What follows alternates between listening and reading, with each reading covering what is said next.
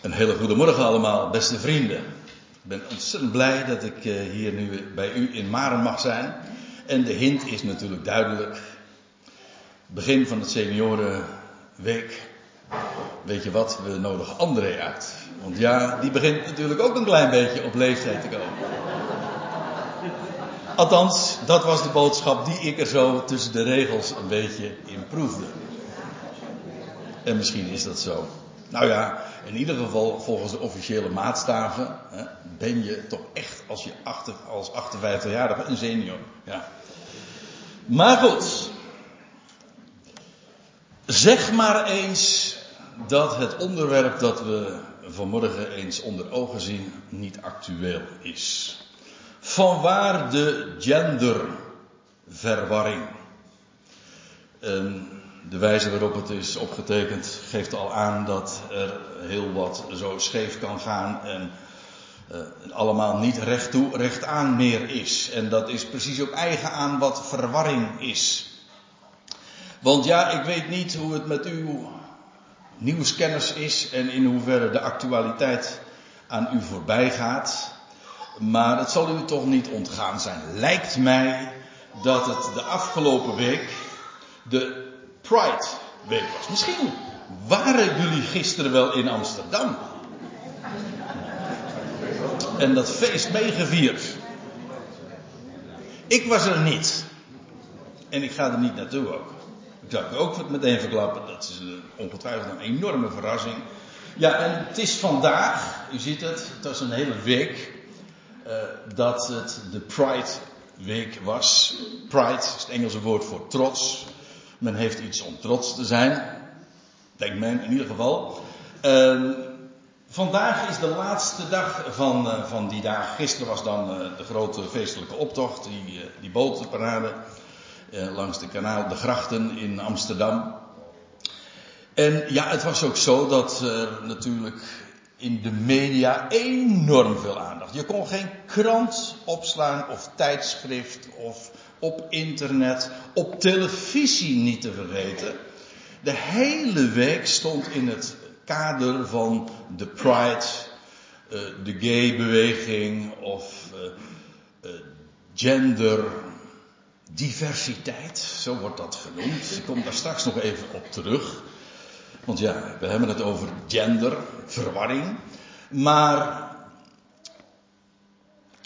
LHBT, dat is uh, tegenwoordig de term. Eigenlijk is de, dat alweer zwaar verouderd, want uh, er komen nog een paar letters weer bij. Eh, X, Y, Z zullen we dan maar zeggen, want LHBT, lesbisch, nee, bi, LH, homo en dan B voor biseksueel en T voor transgender. Maar er zijn, zal ik u vertellen, volgens Facebook geloof ik nog 54 genders meer. Heb ik begrepen. Ja, uh, er is nog iets wat mij enorm trof, prikkelde, stak. Ja, misschien dat laatste wel. En dat is dat je zou denken dat te midden van alle duisternis, complete verwarring, mensen weten niet meer wie ze zijn. Dat is het grote probleem. Want denk nou niet dat het bij deze kwestie gaat om ethiek. Dat, zo wordt het vaak voorgeschoteld. Mag het nou wel of mag het nou niet? En hoe ruim moet je dat zien? En, nou ja, en als we het dan hebben over eh, de godsdienstige wereld, die, die dan het hoofd breekt over, ja, waar moeten we nou optreden? Waar moeten we de grenzen stellen? Waar moeten we uh, maatregelen nemen om het al of niet te verbieden of juist niet, et cetera. Dat is niet waar het om gaat. Waar het om gaat is niet wat moeten we ermee doen. De vraag is wie we zijn. Dat gaat nog een hele laag steek dieper. U weet wellicht dat we een aantal weken, maanden geleden, had je toen de publicatie van dat Nashville document, waar ook de hele wereld overheen viel. En toen was, uh, uiteindelijk stokte de discussie ook meestal daarop. Daar struikelde men over van ja, wat mag nou wel en wat mag nou niet. En in feite, als je die afslag neemt, dan heb je het volgens mij al, uh, ja, dan ben je eigenlijk al verdwaald. Want daar gaat het niet om. Het gaat er niet om wat nou mag. Het gaat om wie ben ik nou eigenlijk? De, ook in seksueel opzicht, gewoon, ja, wie ben ik nou? Wat is mijn sekse? En vroeger was het heel simpel. Heel simpel. Je had twee soorten. Ja. Nou, en weet je waar het ook heel simpel was? Er was nog eigenlijk één omroep. Je had destijds natuurlijk de, de NCRV. En toen in de jaren, eind jaren 60, toen werd de EO opgeroep, uh, opgericht. En die omroep die werd juist opgericht om, vanwege de vrijzinnige tendensen in de NCRV. En daar wilde men iets aan doen. Wat men zei in de NCV en de ICON, dat was dan zo'n, nog steeds trouwens, uh, een omroep die dan het kerkelijk geluid liet horen. Daar gingen, kwamen veel te veel geluiden waar men zich niet in herkende. En toen werd de EO opgericht en die wilde een duidelijk geluid laten horen. Onder andere ook over de dingen waar we het nu over hebben. Over huwelijk, over mannelijk, vrouwelijk. En dat soort dingen. Dat ging toen al uh, spelen in de maatschappij, ook in het algemeen, maar ook de christelijke wereld. En toen had je daar uh, predikanten die nogal aan de weg timmerden. Dominee Klamer. Ja, ik bedoel, ik, zei, ik praat hier voor een, voor een deel, voor een groot gedeelte tegen senioren. Dus dat moet uh, vanuit de jaren 60, 70 moet dat toch allemaal een klein beetje beklemd in de oren klinken. Maar die predikant die ging al heel ver daarin ook. En feitelijk waren ze zelfs voorlopers. Uh, in de maatschappij zelfs. Maar eventjes terug. Dat was de EO. Die liet op dat gebied een zeker uh, duidelijk geluid horen. Je kunt er van alles op aanmerken, dat doe ik ook bij gelegenheid, maar nu even niet. In ieder geval, daarin lieten ze een heel duidelijk geluid horen. Ook dwars tegen heel de maatschappij in. Nou, ik kan u vertellen, dat is mooi over. Compleet. Ik zal het illustreren. Er waren deze week heel veel uitzendingen. Maar afgelopen, ik meen woensdag, was daar een uitzending uh, onder de titel van de EO. Ik ben er geen, ik ken er geen. En dat was precies als een paar weken eerder. Daar werd gewoon uh, de boodschap verkondigd van, nou, wat er gisteren ook in Amsterdam verkondigd werd. Dat feestje wat gevierd werd van de LHBT. Je gelooft je oren niet. Iemand zei al schetsend, EO, dat is de evangelische omroep zeker. En ja, dat zeg ik niet voor de grap. En dat zeg ik ook niet om zwart te maken. Dat is ook echt de boodschap die ze nu uitdragen. En wat ik nou zo bijzonder vind, is dat de, er een andere programma was, dat was afgelopen vrijdag. Ik was daar afgelopen zondag al door iemand op geattendeerd. Die zei, André, aankomende vrijdag is er bij Ponet, Ponet, dat is die omroep, weet u wel, een volstrekt seculiere omroep. Uh, die uh, het gekste nog niet gek genoeg is. Ze, ze zijn voortgekomen uit geen stijl. Nou ja, senioren weten dat misschien niet, niet zo goed meer. Maar dat is, nou in ieder geval, dat is echt buitengewoon liberaal. En die jongen, die, die man, die, die mailde mij, want hij komt ook in de Goed Bericht samenkomsten. Hij kent het Goede Bericht. Hij zegt, ik ben geïnterviewd in het programma. Van, uh, dat, dit is hem trouwens, die u weer ziet rechtsboven. Geert-Jan van der Molen, ik kan zijn naam rustig noemen. En, uh, en hij zegt, ik, uh, hij mailde me later nog, hij zegt, ik wil één ding. Hij is een, hij zat in de gay-wereld helemaal. Hij zegt, ik heb alles gedaan wat God verboden. En hij was compleet de weg kwijt. Ook in drugs en drank en alle toestanden. Totdat hij de boodschap hoorde van de onvoorwaardelijke liefde van God. En dat heeft zijn leven compleet veranderd. En hij zegt, mij gaat het er nu om, om de boodschap te vertellen, het goede bericht, dat God de redder is van iedereen en van alle mensen. En als dat duidelijk is in dit programma uh, overgekomen, hij zegt, dan vind ik het mooi. En dat is ook heel mooi overgekomen. In die uitzending van Pona dus, werden christenen geïnterviewd, die tegen de stroom in zeggen van, hoor eens, God, God schiet mannelijk en vrouwelijk. En het huwelijk is bedoeld voor een man en een vrouw. Heel simpel. En. Nou, dat duidelijke geluid. Twee genders. Mannelijk, vrouwelijk. En zo wil ik leven. Er was bijvoorbeeld een, een, een andere jongen. Die was, uh, had homofiele gevoelens. Hij was getrouwd. Had een aantal kinderen. Het was een prachtig uitzending. Ik kan het aanbevelen om hem eens terug te bekijken.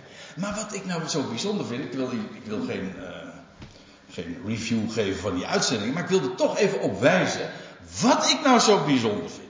Dat, een, om hun duidelijk geluid te laten horen.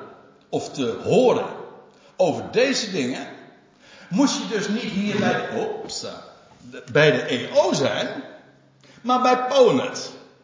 Daar hoorde je nog een Bijbels geluid. Zonder overigens dat Ponet die opzet had, helemaal niet, want de interviewster die, die legde het uh, vuur behoorlijk aan de schenen van degene die ze geïnterviewd werden. Daar gaat het niet om. Maar daar werd een Bijbels geluid gehoord. En in uh, dat programma van de EO was compleet vals licht. Ja, ik kan niet anders zeggen. En dat vond ik zo bijzonder. Dat je dus om een bijbelsgeluid te horen bij een seculiere omroep moet, zijn en niet meer bij de christenen. Eigenlijk vind ik dat de tragiek. Dat de wereld duister is, wisten we. Maar dat de, een omroep die notabene het evangelie in haar vaandel heeft, complete weg kwijt is of kwijtraakt, ja, dat vind ik wel uh, ontstellend. Ja, weet u, en de vragen zijn keihard. En ook volstrekt duidelijk zijn in feite ook niet nieuw, want het zijn de vragen die alle mensen zich stellen. En daar hoef je geen filosoof voor te zijn. Uiteindelijk stelt elke mens de vraag van, ja, wie ben ik in vredesnaam? Wat doe ik hier? Waar kom ik vandaan? Waar ga ik naartoe? Oké, sommige mensen hebben daar wat dieper over doorgedacht. Over de vragen en over de antwoorden. Maar uiteindelijk komt ieder mens voor die vraag. En heeft ook antwoorden op die vragen. Zelfs als je er niet van bewust bent. En geen antwoord is ook een antwoord. De vragen zijn duidelijk, keihard. En ik vind, en dat lijkt me volstrekt helder, dat een keiharde, duidelijke, eerlijke vragen een eerlijk antwoord verdienen. En dat daar niet met een grote boog omheen gegaan wordt. En dat wordt wel al omgedaan. Want de vraag is natuurlijk, waar zijn de antwoorden? Nou, ik zei al, dan moet je niet meer in de christelijke wereld zijn. Ik scheer over één kam. Excuus daarvoor, maar zo is het in het algemeen. De antwoorden moeten gegeven worden. En waarom wordt er in de wereld over deze dingen gewoon openlijk gesproken en word je er soms echt mee doodgegooid? En christenen hoor je er niet. Waar is Bijbels geluid? Gewoon duidelijk Bijbels geluid. Het is ontstellend, maar uh, ik moet zeggen, het is uh, tamelijk zeldzaam. Nou ja, we zijn hier vanmorgen bij elkaar. En uh, in die leemte wil ik graag eens toch voorzien. Eerst even trouwens over dat woordje gender. Gender is een Engels woord en dat betekent geslacht of seksen. Ja, van origine, van oudsher, betekende dat gewoon als je dan uh, in een Engels paspoort had, nou, dan, moest je invullen, wat was je? Nou, man, vrouw. Hè? Zoals dat, uh, dat, dat is het geslacht, zeggen wij dan. En daar zijn de oude Nederlandse eh, grapjes natuurlijk over, van ja, er stond er, ik moest een formulier invullen, leeftijd, nou ja, puntje, puntje, puntje, geslacht. En dat iemand zei nee. Ja. Bent u er nog?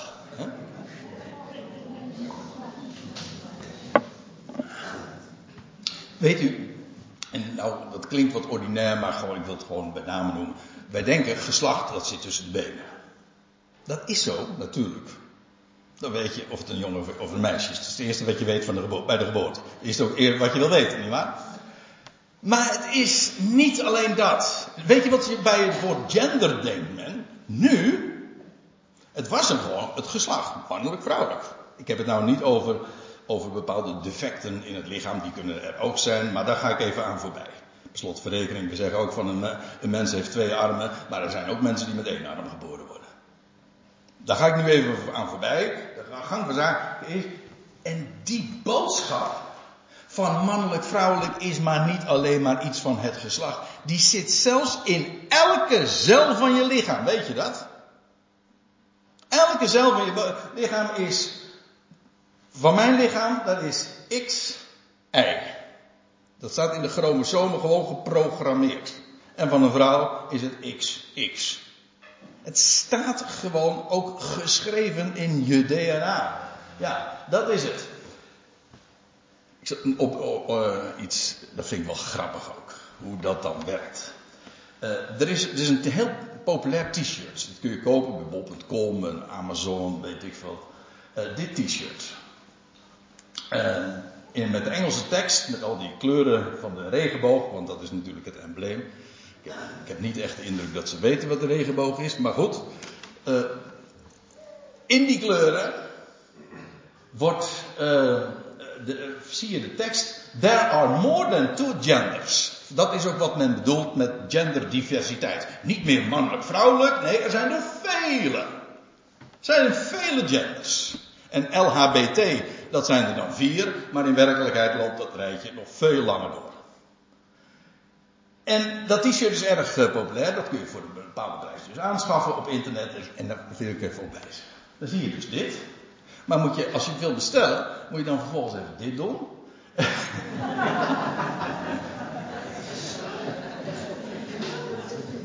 en dan vervolgens moet je je maat opgeven. En je moet ook even opgeven of je man of vrouw bent. Ik bedoel, mensen, dit is krankzinnig. Dit is bizar. Echt bizar. We zijn compleet de draad kwijt. Ook onze zinnen. Meer dan, meer dan twee genders, ja ja. Maar je moet wel even opgeven of je man of vrouw bent. Nou, eh, de onzin wordt eigenlijk op de pagina zelf aangetoond. U zegt dat vind ik heel simpel. Ja, dan zeg ik dat, dat bedoel ik. Het is ook simpel. We gaan even terug naar het begin. Want ja, ik moet nog voorzien natuurlijk in, in, in andere leemte. En dat is dat Evert geen schriftlezing heeft gedaan. En dat moet ik natuurlijk alsnog eventjes uh, rechtzetten. Maar maak u zich geen zorgen, dat doen we. We gaan eerst, voordat ik de brieven van, naar de brieven van Paulus ga, of de brieven, uh, de Romeinenbrief, wil ik eerst u eens meenemen naar Genesis 1. Naar het begin. Maar daar begon het ooit. God schiep hemel en aarde. En dan neem ik mee even naar het 27e vers. En let eens op wat daar dan staat. En God schiep de mens. Dat ligt enige duizenden jaren achter ons. Uh, ongeveer 6000 jaar. Bijna precies. Uh, God schiep de mens. In zijn beeld. Het is een letterlijke weergave. U ziet die interlineair hieronder. En God schiep de mens in zijn beeld. In beeld van God. Of in de meeste vertalingen staat dan naar Gods beeld. Uh, in beeld van God schiep hij hem. Let op, mannelijk enkelvoud. Over wie gaat het? Adam. Ja. Dan wil ik. Uh, dat gaat inderdaad over Adam. Ik weet dat er heel dikwijls gezegd wordt. En misschien trap ik nou wederom een heilig huisje in. Je zegt van de mens. Uh, mannen en vrouwen zijn geschapen naar Gods beeld. Zal ik u vertellen dat dat niet waar is?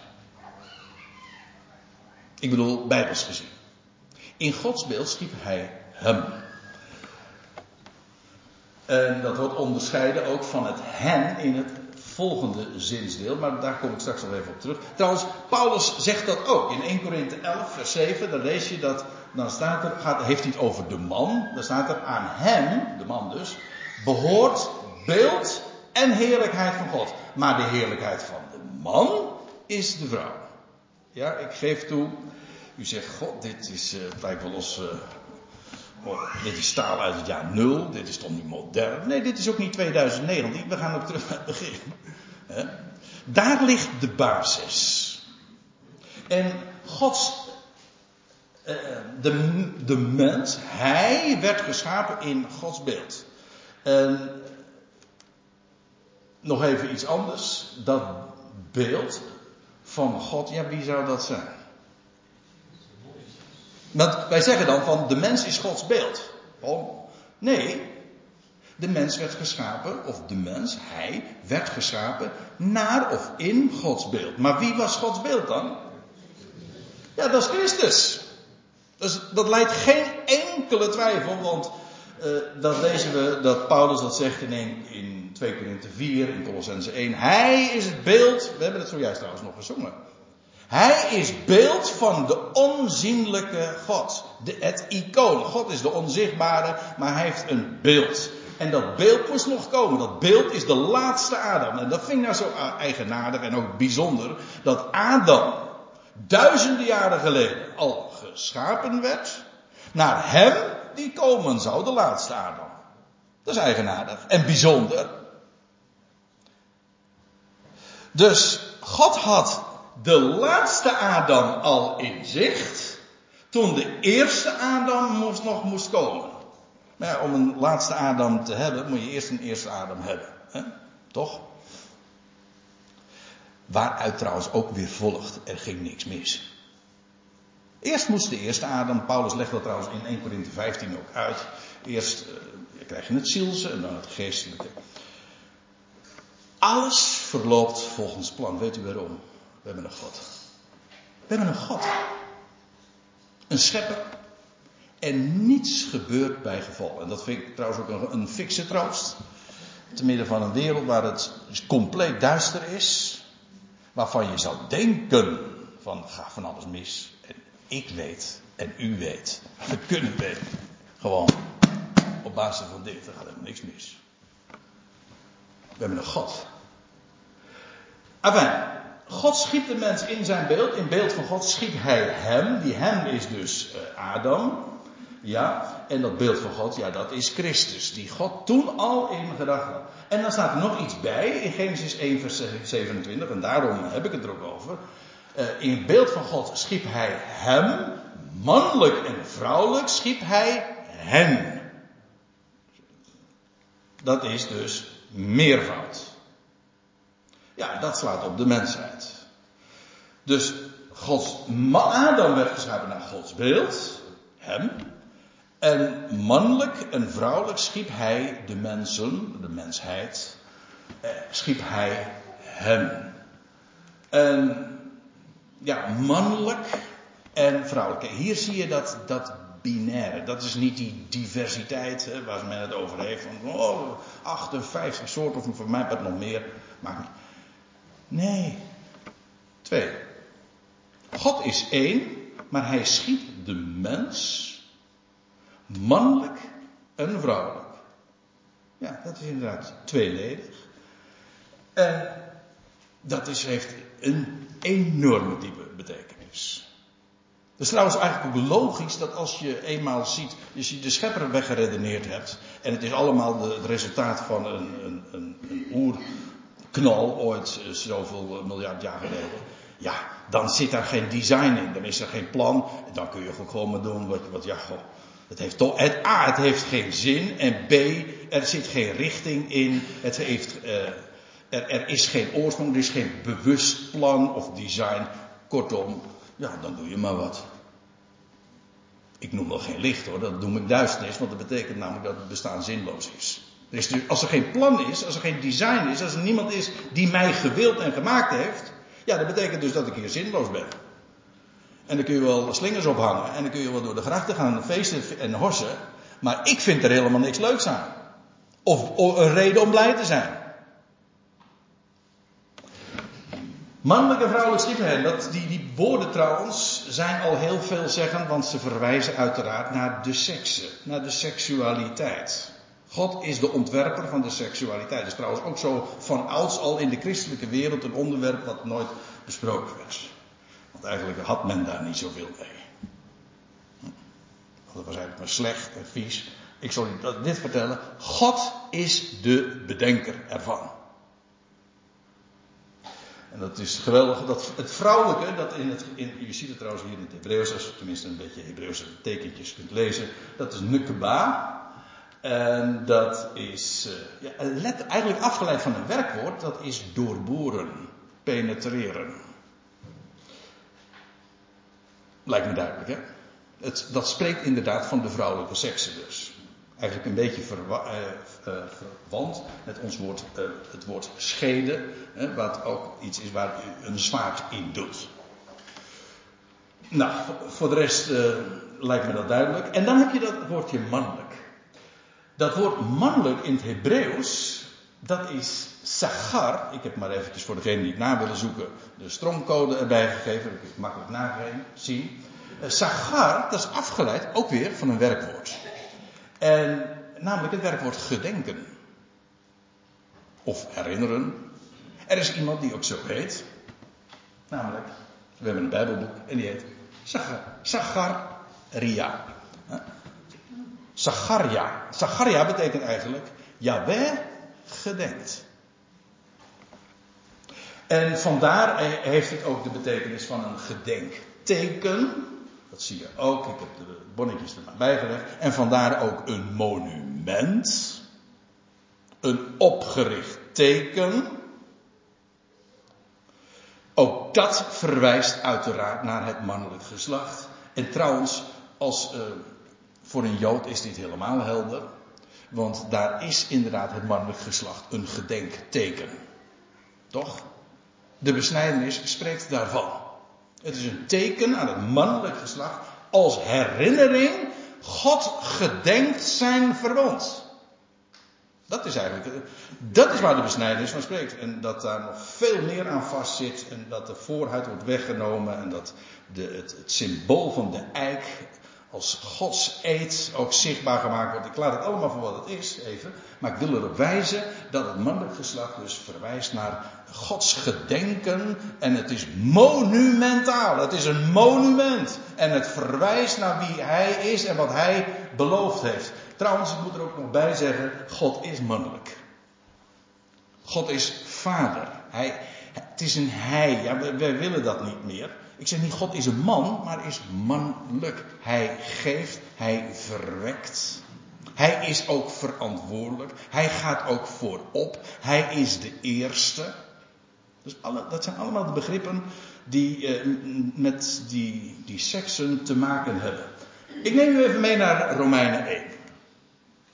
Ja, Romeinen 1, even voor de goede orde, dat is de eerste brief die we van Paulus hebben in het Nieuwe Testament. En daar in die brief wordt de basis gelegd. Van eigenlijk heel zijn boodschap.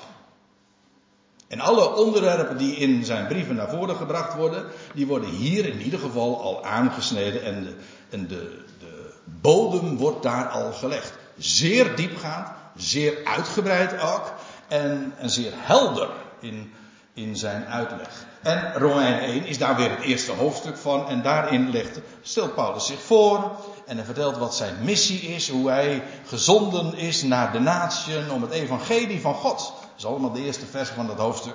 Uit te dragen. En dan vertelt hij ook de, ja, dat klinkt een beetje GBJ Hilterman-achtig. Dat weet u ook natuurlijk nog wel. hij beschrijft de toestand in de wereld. Op zondag. Dat is gewoon Romein 1. De toestand in de wereld. En uh, waardoor wordt hij gekenmerkt? Nou, dat is dat je geen hand voor ogen ziet. Het is donker. En ik neem u mee naar het 21ste vers. Dat, ik heb even moeten aarzelen, want ik wilde eigenlijk eerder inhaken. Dat moest ook, maar ja, goh. Ik heb hier ook niet de hele zondag natuurlijk. Nou ja, of heb ik een hele week misschien? Oh nee, dan krijg ik ruzie met Leen natuurlijk. Uh, Romeinen 1. Nou, Paulus had er namelijk al het een en ander verteld natuurlijk. Maar laten we het eventjes nog uh, bepaalde dingen eruit lichten. Een aantal dingen ga ik ook heel snel aan voorbij. Ook weer omwille van de tijd. Maar hier had Paulus namelijk al verteld over de, ja, de toestand in de wereld. Uh, dat men God kan kennen. De, immers, hoewel zij God kennen. Wat Paulus in de voorgaande versen naar voren had gebracht is. De wereld weet van God. Ze kunnen het wel wegredeneren. Er is zelfs een stroming die dat doet en heel veel, met veel succes.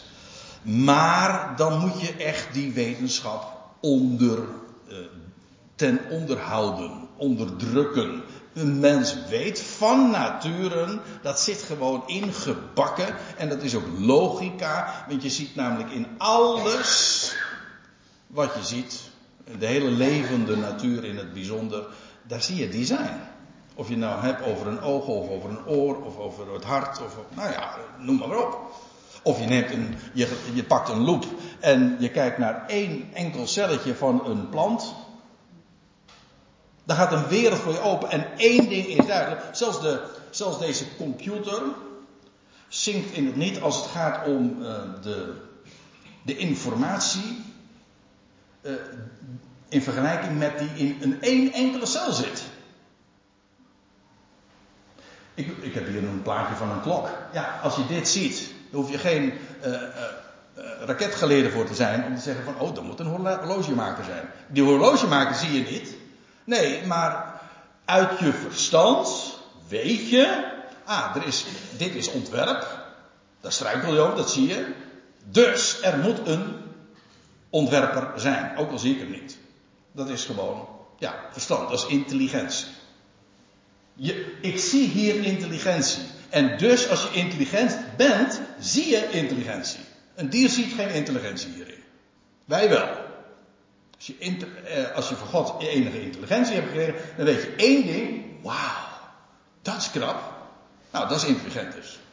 Als je intelligentie kan herkennen. En mensen weten dus dat hij er is. En dus moet je ook voortdurend moeite doen als je er vanaf wil van die kennis. Dan moet je het onderdrukken. Maar goed, de wereld weet dat dus. Hoewel ze God kennen, dan staat er, verheerlijken of danken zij hem niet als God. Eventueel is men wel religieus.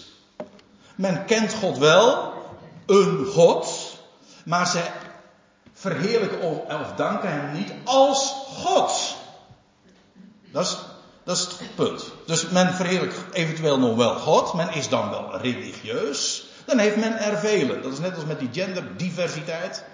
Ja, maar dan heb je de hele, dan heb je de hele waarheid van de gender om zeep geholpen. Want het hele punt is juist, er zijn er maar twee. Maar de, de essentie van God is juist dat er maar één is. Op het moment dat er meer dan één God is, heb je geen God meer. En of dat er nou twee of drie, heel populair trouwens, die laatste. Ja. Uh, of een heel pantheon, zoals de Grieken dat kenden. Dat maakt geen verschil. Meer dan één God is geen God. Hij is juist God omdat hij de enige is. Hij hoeft zijn plaats niet te delen met een ander. Het is ook niet zo wat hij voorneemt kan weer een, door een andere God ongedaan gemaakt worden. Nee, want er is er maar één. En als je, dus je hebt of één God, of je hebt geen God. Meer godendom heb je gewoon, ben je God kwijt. En dat is het probleem in de wereld. Die is misschien dan nog wel religieus, maar ze hebben meer goden. En dus kunnen ze hem per definitie niet meer verheerlijken en zijn heerlijkheid in het licht stellen en danken als God. Theos. Ja, dat betekent plaatsen. Dat weet u hier allemaal wel. Tenminste, tenminste eh, dat weet ik zeker plaatsen. Hè? Dat is wat, uh, het is ook weer afgeleid van een werkwoord eh, stellen, beschikken, plaatsen. Hij is degene die alles een plek geeft. In de tijd, in de ruimte, in de hemel of op de aarde of eventueel daaronder. In de tijd. Alles geeft hij een plek. En als iets vindt plaats, omdat hij het een plaats geeft. Hij is de plaatser. Ja, dus alles wat plaatsvindt kan maar alleen plaatsvinden omdat hij het een plaats geeft. Wat wauw, dan heb je een God. Dus op het moment dat je zegt van ja, het kwaad, ja, dat gaat buiten God om, dat wist hij ook niet van tevoren. Of dan zeggen ze, dat is de vrije wil van de mens, dan ben je God kwijt. Echt waar, dan ben je God kwijt. Waarom? Wel, uh, dan is is de mens gepromoveerd ik vind het helemaal geen promotie. Maar goed, dan is heb je de mens gepromoveerd tot een God. Want ja, dan kan God wel iets willen. Maar als de mens het niet wil, gebeurt het niet. God wil alle mensen redden. Maar als de mens het niet wil, nou dan gebeurt het niet. Nou, dan heeft mensen dus meer dan God. Denk daar maar eens over na. Ja, dan komt het wel dichtbij, hè. Immers, hoewel zij God kennen, verheerlijken of danken zij hem niet als God. Ja, trouwens, daar moet ik nog even iets bij zeggen. Dit is het symbooltje van mannelijkheid. Uh, theos, plaatser, schepper, dat zijn mannelijke woorden. In de, Je hebt een theologische stroming, de, de feministische theologie. Die wil er natuurlijk niks van weten.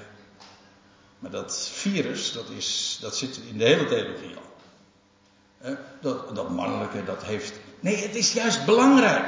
God is inderdaad mannelijk. Vind het belangrijk om dat even te benadrukken. Hij is namelijk de creator.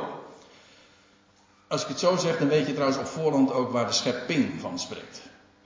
Als de schepper mannelijk is, wat zou de schepping dan zijn? Ja, vrouwelijk, ja. Nou, dat is precies de waarheid. Even later in diezelfde Romeinenbrief, dan krijg je in Romeinen 8, dan zegt Paulus dat de schepping vandaag in vruchteloosheid aan ijdelheid is onderworpen en er staat, maar ze is zwanger. In blijde verwachting. Ja, waarom? Nou, de schepper heeft daar zaad gegeven. Ja, inderdaad, zijn woord. Leven daarin verwekt. Nieuw leven. En nu is er is de schepping in blijde verwachting. Ook in barensnood, jazeker. Maar dat zijn bijbelse gedachten. De schepping verhoudt zich tot de schepper zoals mannelijk en vrouwelijk. Die twee lopen gewoon synchroon.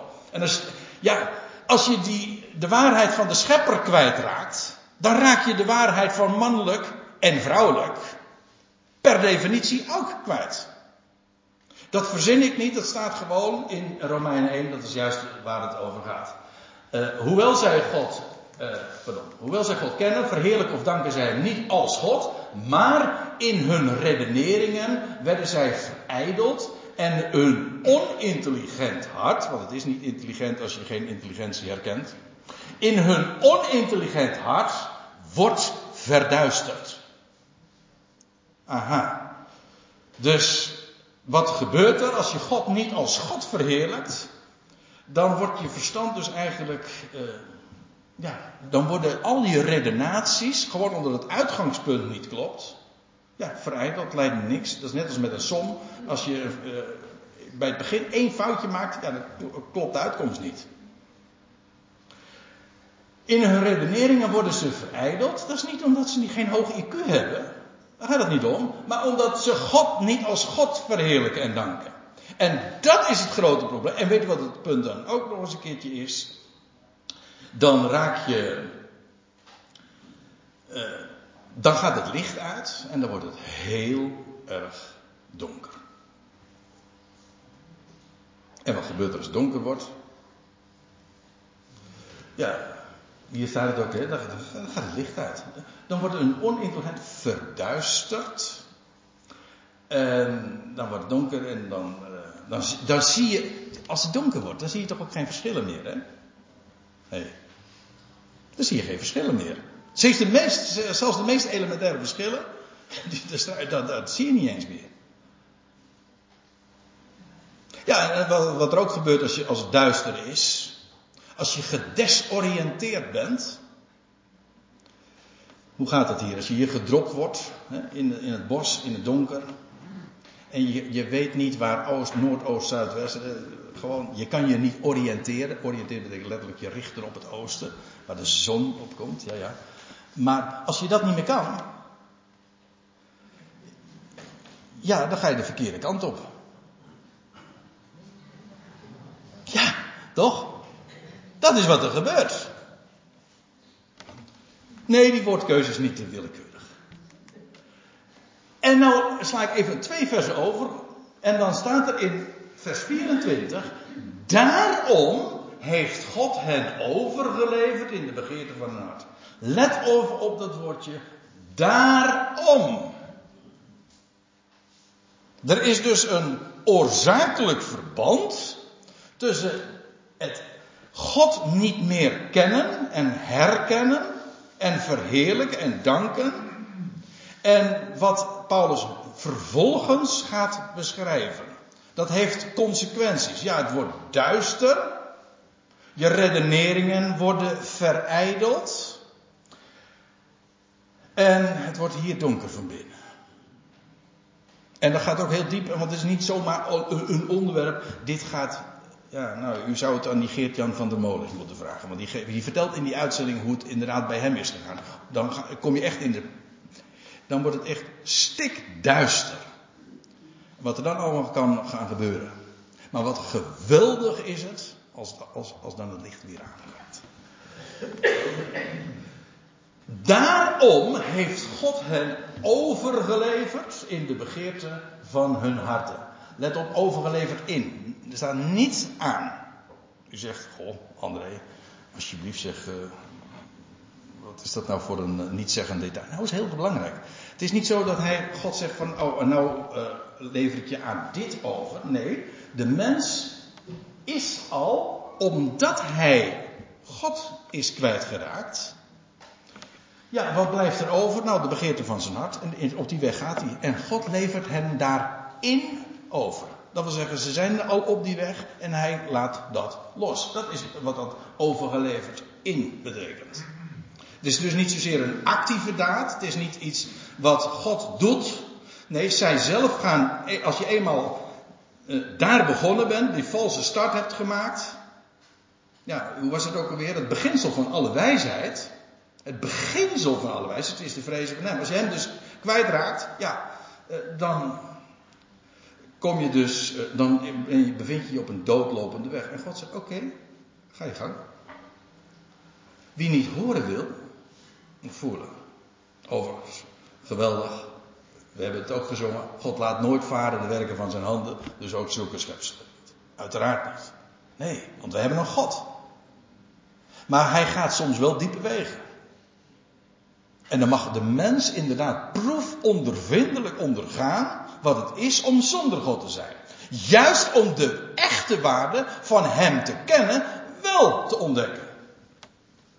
Daarom heeft God hen overgegeven in de begeerte van hun harten tot in onreinheid van het onteren van hun lichamen onder elkaar. Dat onteren dat is maar niet uh, een moralistisch begrip.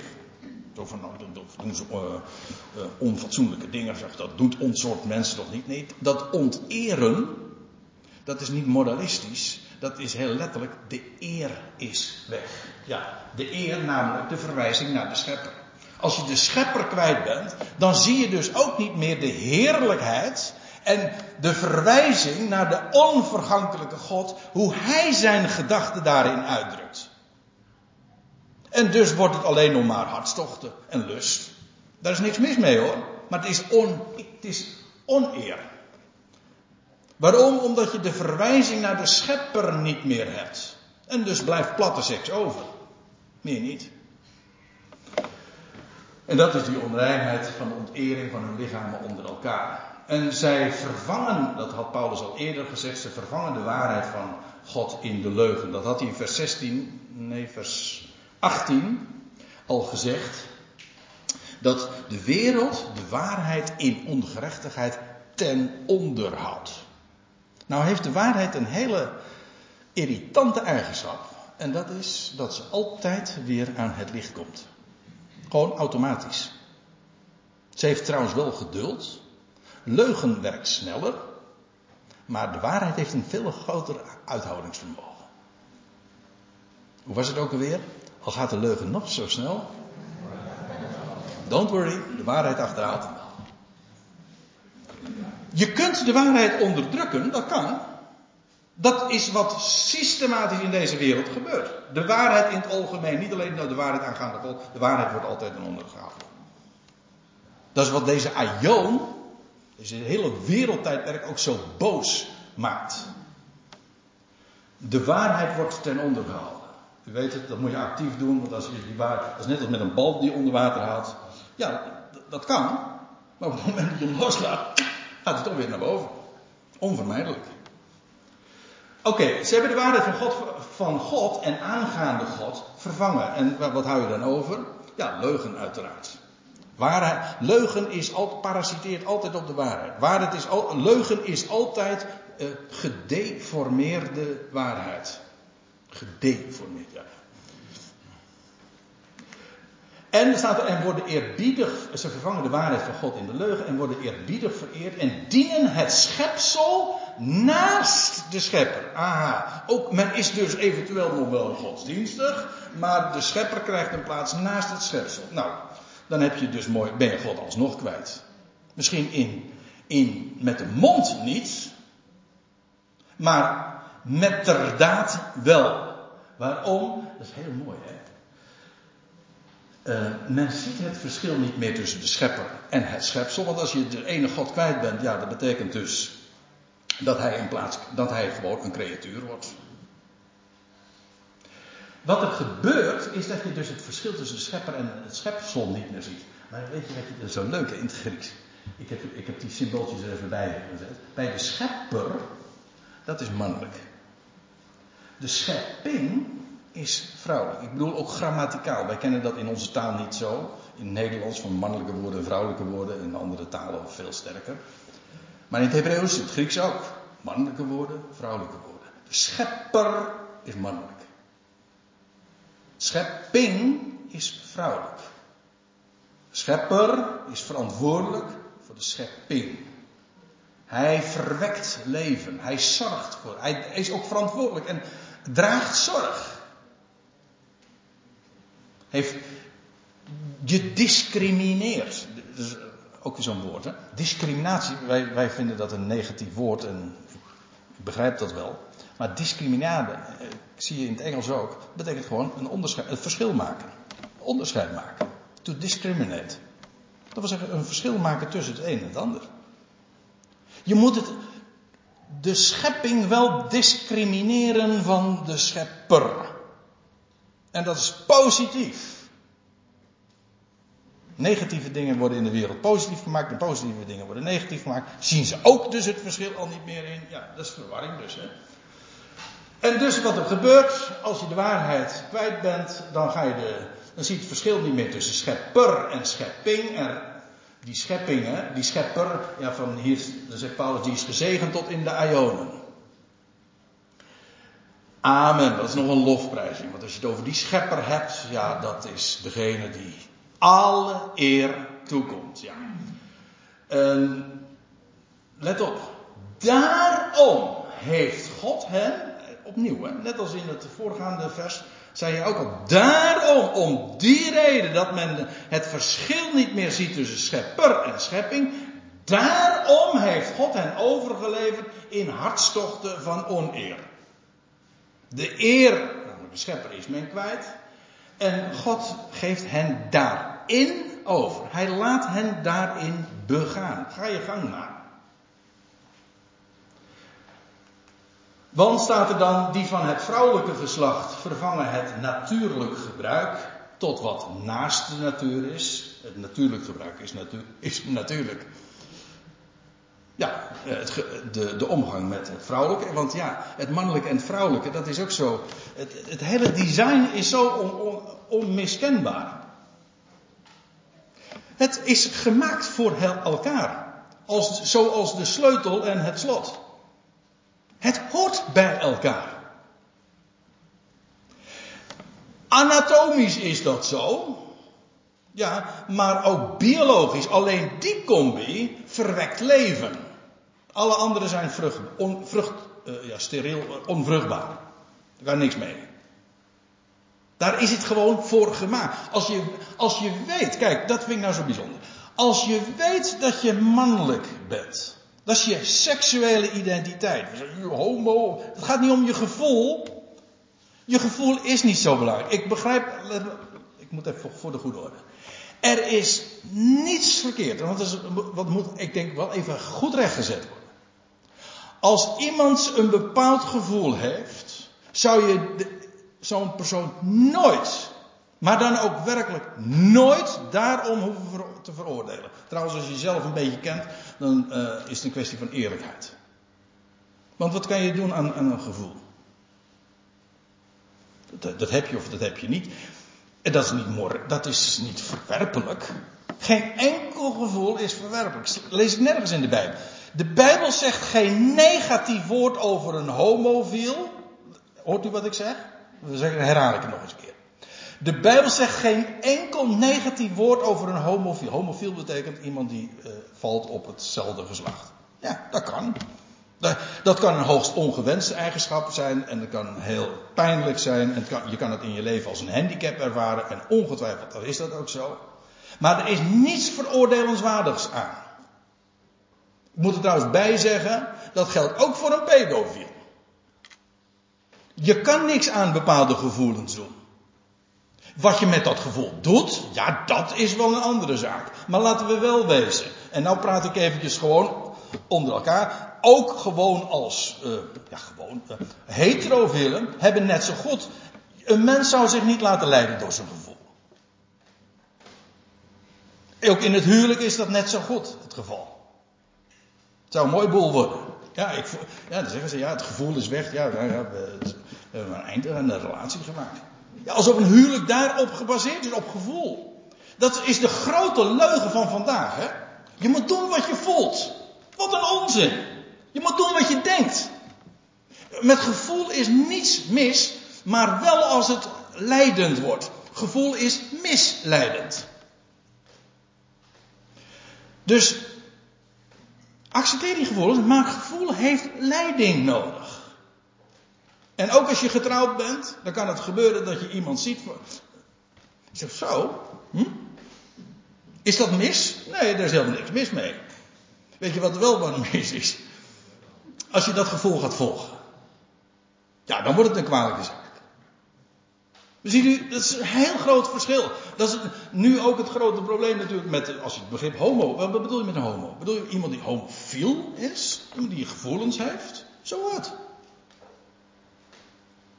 Of heb je ook iemand die dat praktiseert? Dat is een heel ander, is een heel ander ding natuurlijk. Dat, ook dat wordt door alleen maar het woordje homo te noemen, wordt dat eigenlijk ook weer verdonkermaand. Verdonkermaand. Ja. Maand. Leuk. Leuk woord eigenlijk. Had ik me nooit zo gerealiseerd. Zie bij uh, hier ook het, het, oh ja, dat mannelijke en het vrouwelijke, ja, dat is voor elkaar bestemd. Zo is het gemaakt, dat is ontwerp. Dat is, oh ja, dat bedoelde ik net te zeggen. Als ik weet, ik ben een creatie van hem, ik ben een man, ja, dat is mijn bestemming ook. In seksueel opzicht ben ik als man gemaakt voor het vrouwelijke. Misschien voel ik dat niet. En, dan kan dat een handicap zijn. En een grote strijd. En daar, zulke mensen verdienen compassie. Dat meen ik zo, zo uh, echt met voluit, met heel mijn hart. Maar dat is de normale, natuurlijke orde. Daar is het voor gemaakt. Als je een schepper kent, dan weet je, ja, ik ben een man en dus bestemd als in seksueel voor het vrouwelijke. En vice versa, het vrouwelijke voor het mannelijke. Zo is het ontworpen. Als er geen ontwerper is, ja, dan zeg ik, ga je gang. Nou, dat is precies wat ze dus vandaag zeggen. Maar als er een schepper is, dan heeft dit een betekenis, heeft dit een doel. En bovendien, het verwijst naar hem. Ja. Evenzo wordt er dan gezegd, ook die van het mannelijk geslacht, loslatend het natuurlijk gebruik van het vrouwelijke, want ja, vrouwen doen dat, uh, mannen doen dat. En die laten ook dat natuurlijk gebruik uh, los. En ze, er stond trouwens gisteren, uh, mag ik eventjes nog deze uitwerking maken? Ik zie dat mijn tijd wel een beetje verloopt, maar stond gisteren in de Volkskrant notabene een artikel waarin gezegd werd, ja het verhaal wat uh, decennia lang is verkocht, juist in de LHBT-beweging, namelijk dat het aangeboren zou zijn, blijkt bij nader inzien toch niet waar te zijn. In de Volkskrant. Dat zo hebben we dat altijd verteld. Het is helemaal niet in degene, dat is nooit bewezen. Dat was altijd een heel sterk argument in de LHBT-beweging. En nu zijn er prominente LHBT'ers die zeggen van het is wetenschappelijk gezien volstrekte onzin. Maar ja, nou is de trein loopt toch al, dus uh, hè. consequenties heeft, uh, heeft die ontdekking of die vaststelling niet. Ik vond het wel heel bijzonder. Oké, uh, het mannelijke, het vrouwelijke. Oké, als het licht uitgaat, dan zie je het verschil niet meer. En dus richt je je ook op de verkeerde kant, op alle kanten. Uh, loslaten, het natuurlijk gebruik van het vrouwelijk geslacht. Die ze werden dus ontbrand in hunkering naar elkaar. Die van het mannelijk geslacht in die van het mannelijk geslacht. Zo staat het er letterlijk. Nou, ik wil daar verder eventjes aan voorbij gaan. Uh, de onfatsoenlijkheid bedrijvende. Ja, die onfatsoenlijkheid dat verwijst naar het voorgaande, namelijk die oneer. De heerlijkheid is eruit is, is, ziet men niet meer het licht. De schepper is men kwijt. En het geweldige verhaal dat, dat man en vrouw, de schepper en de schepping in liefde bij elkaar komen. Dat de schepper zijn schepping bemint. En door opstanding, ik hoop dat u begrijpt wat ik bedoel, nieuw leven in haar verwekt, zodat ze in blijde verwachting is. Daar gaat er geweldige sprake van uit. De seksuele gemeenschap van mannelijk-vrouwelijk verwijst gewoon naar het evangelie. Namelijk naar wat de schepper met deze schepping doet. Ja, als je dat niet ziet, ja, dan is het dus allemaal oneer. Dan is die eer dus weg. Maar zie je hoe een geweldige glorie juist God daarin uitdrukt. Ja, en dan staat er ook, en zo eindigt het, en de nood, nou, zo, eindigt, zo eindig ik dan, want Paulus gaat gewoon verder in vers 28.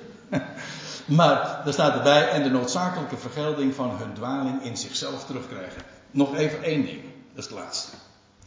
Let op. Uh, eerst wordt er beschreven over de man en vrouw uh, die gewoon het natuurlijk gebruik dan loslaten en dan uh, tegen natuurlijk of letterlijk naast natuurlijke dingen gaan doen. Ja, en dan staat er, dat is de noodzakelijke vergelding van hun dwaling. Hun dwaling, let op, hun dwaling is niet die homoseks die hier beschreven wordt. Zoals, er zijn ook theologen die dat proberen weg te redeneren in Romeinen 1. Ik denk, sorry dat het wat bitter klinkt, maar ik denk, dan ben je zeker theoloog voor. Dan ben je professioneel bekwaam om zulke dingen zomaar weg te redeneren. Het is er zo duidelijk, staat het er. Maar hun dwaling is hier, let op, niet die homoseks. Dat is de, het noodzakelijke resultaat van hun dwaling. Het is gewoon het logische gevolg erop.